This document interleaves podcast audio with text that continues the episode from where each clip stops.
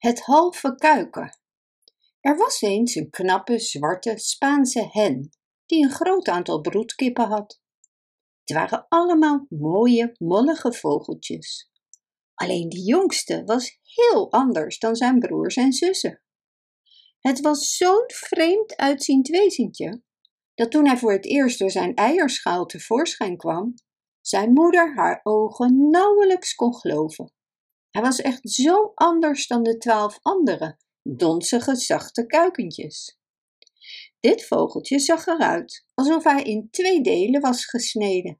Hij had maar één been, één vleugel en één oog. Ook had hij maar een halve kop en een halve snavel. Zijn moeder schudde bedroefd haar hoofd terwijl ze hem aankeek en zei: Mijn jongstgeborene is maar een half kuiken. Hij kan nooit zo'n lange, knappe slungel worden als zijn broers. Zij zullen de wereld ingaan en heersen over hun eigen kippenhokken. Maar dit arme ventje zal altijd bij zijn moeder thuis moeten blijven. Ze noemde hem Mediopolito. Dit betekent in het Spaans half kuiken. Hoewel Mediopolito er hulpeloos en vreemd uitzag, ontdekte zijn moeder al snel dat hij er graag op uitging. Hij wilde helemaal niet steeds onder haar hoede blijven. Hij was qua karakter en qua uiterlijk totaal anders dan zijn broers en zussen. Zijn broers en zussen waren goede, gehoorzame kippen. Als de oude kip achter hen aan rende, begonnen ze te kakelen en kwamen gauw weer terug bij haar. Maar Mediopolito was een echte zwerver, ondanks zijn ene poot. Als zijn moeder hem terugriep naar het hok, deed hij alsof hij het niet kon horen. Hij had tenslotte maar één oor. Als ze met het hele gezin een wandeling door de velden maakten, sprong Mediopolito alleen weg en verstopte zich tussen de mais. Zijn broers en zussen zochten dan minutenlang angstig naar hem. Zijn moeder kakelde dan heel hard van angst en rende van ontzetting steeds heen en weer. Naarmate Mediopolito ouder werd, werd hij steeds eigenzinniger en ongehoorzamer. Hij gedroeg zich vaak onbeleefd tegen zijn moeder. Hij had vaak een slecht humeur en hij was onaardig tegen de andere kippen. Op een dag was hij op pad geweest door de velden. Het was een lange tocht, langer dan gewoonlijk. Bij zijn terugkeer stapte hij met zijn eigenaardige huppeltje op zijn moeder af. Hij keek haar brutaal aan en zei: Moeder, ik ben dit leven op dit saaie boerenerf zat. Hier heb je alleen maar uitzicht op een troosteloos maisveld. Ik ga naar Madrid om de koning te zien. Naar Madrid? Mediopolito, hoe kom je daar nu bij? riep zijn moeder uit. Wel, jij dommerik, het zou een lange reis voor je worden. Zo'n arm klein ding als jij zal al moe zijn voordat je de helft van de afstand hebt afgelegd. Nee hoor, jij blijft gewoon thuis bij je moeder. Op een dag, als je groter bent, gaan we samen op reis. Maar Mediopolito had het besluit genomen en wilde niet verder luisteren naar het advies van zijn moeder. Van de smeekbeden van zijn broers en zussen trok hij zich ook niks aan. Wat heeft het voor zin dat we hier allemaal boven op elkaar zitten in dit kleine sjovele hok, zei hij. In plaats daarvan kan ik een mooie binnenplaats helemaal voor mezelf hebben, bij het paleis van de koning. Ik zal jullie dan zo nu en dan eens op bezoek vragen. Mediopolito kon nauwelijks wachten om te gaan. Hij nam snel afscheid van zijn familie en hupte de hoge weg op die naar Madrid leidde. Zorg er wel voor dat je aardig en beleefd bent tegen iedereen die je tegenkomt, riep zijn moeder terwijl ze nog achter hem aanrende. Maar hij had zo'n haast om weg te komen dat hij geen antwoord meer gaf of zelfs nog maar achterom keek. Het advies van zijn moeder hoorde hij ook niet meer. Wat later die dag, toen hij een kortere weg door het veld nam, kwam hij langs een beek.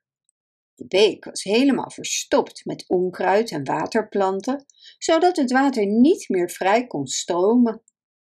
O Mediopolito, riep de beek toen het halve kuiken langs de oevers hupte. Kom me alsjeblieft helpen om dit onkruid op te ruimen. Jij kunt wel om hulp roepen, riep Mediopolito terwijl hij zijn veren schudde. Maar denk je soms dat ik niets anders te doen heb? Ik kan mijn tijd niet verdoen aan zulke kleinigheden. Help jij jezelf maar en val drukke reizigers zoals ik niet lastig. Ik ga naar Madrid om de koning te zien. En hinkstap, hinkstap, daar hupte Mediopolito weg. Korte tijd later kwam hij bij een vuur dat door enkele zigeuners in een bos was achtergelaten. Het vuur brandde nog een beetje en zou spoedig uitgedoofd zijn.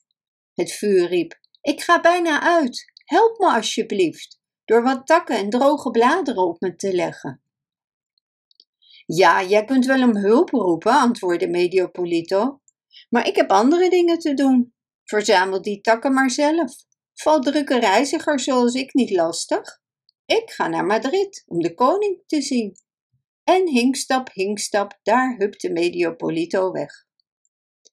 De volgende ochtend, toen hij in de buurt van Madrid kwam, kwam hij langs een grote kastanjeboom met enorme takken. De wind was gevangen door de takken en erin verstrikt geraakt. O Mediopolito, riep de wind, spring alsjeblieft in de boom en help me los te komen uit deze takken. Ik zit vast en kan niet meer wegwaaien. Het is je eigen schuld dat je daar zit. Je bent zelf die boom ingewaaid, antwoordde Mediopolito. Ik kan niet mijn hele ochtend verspillen om jou te helpen. Schud jezelf maar los en val mij niet lastig. Ik ga naar Madrid om de koning te zien. En hinkstap, hinkstap, daar hupte Mediopolito weg. Hij was erg opgewekt, want hij zag de torens en daken van Madrid al. Toen hij de stad binnenkwam, zag hij een groot, prachtig huis met soldaten voor de poort. Hij wist dat dit het paleis van de koning moest zijn. Hij besloot naar de voorpoort te gaan en daar te wachten tot de koning naar buiten kwam. Maar toen hij langs de ramen hupte, zag de kok van de koning hem. Hij riep: Kijk, dit is precies wat ik zoek. De koning heeft zojuist een bericht gestuurd om te zeggen dat hij kippenbouillon wenst voor zijn diner. Hij opende het raam en strekte zijn armen uit om Mediopolito te vangen. En daarna stopte hij hem in de bouillon die bij het vuur stond.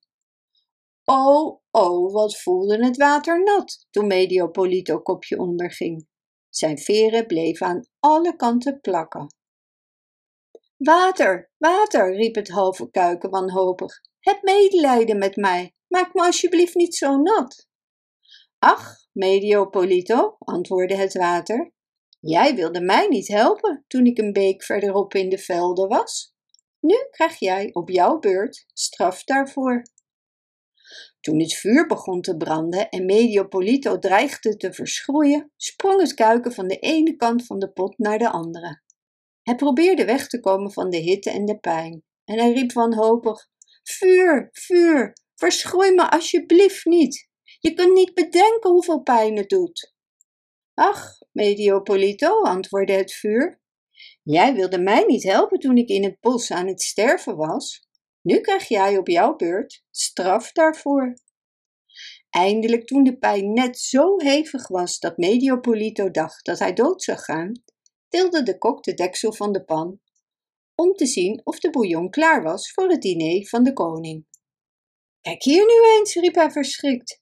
Deze kip is volkomen waardeloos. Er zit geen vel of been aan. Zoiets kan ik niet naar de koninklijke tafel sturen. Hij opende het raam en gooide Mediopolito de straat op. En daar greep de wind hem in zijn kraag en joeg hem zo snel door de lucht dat hij nauwelijks kon ademen. Zijn hart ging tekeer en hij dacht dat hij doormidden zou breken. O wind, riep hij na adem happend, als je me zo snel voortblaast, ga ik dood. Laat me alsjeblieft even rusten of. Maar hij was zo buiten adem dat hij zijn zin niet eens af kon maken. Ach, Mediopolito, antwoordde de wind. Toen ik gevangen zat in de takken van de kastanjeboom, wilde jij mij niet helpen. Nu krijg jij op jouw beurt straf daarvoor.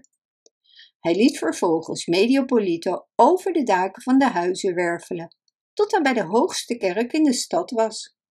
En daar zette hij Mediopolito vast op de top van de torenspits. En daar staat Mediopolito tot op de dag van vandaag.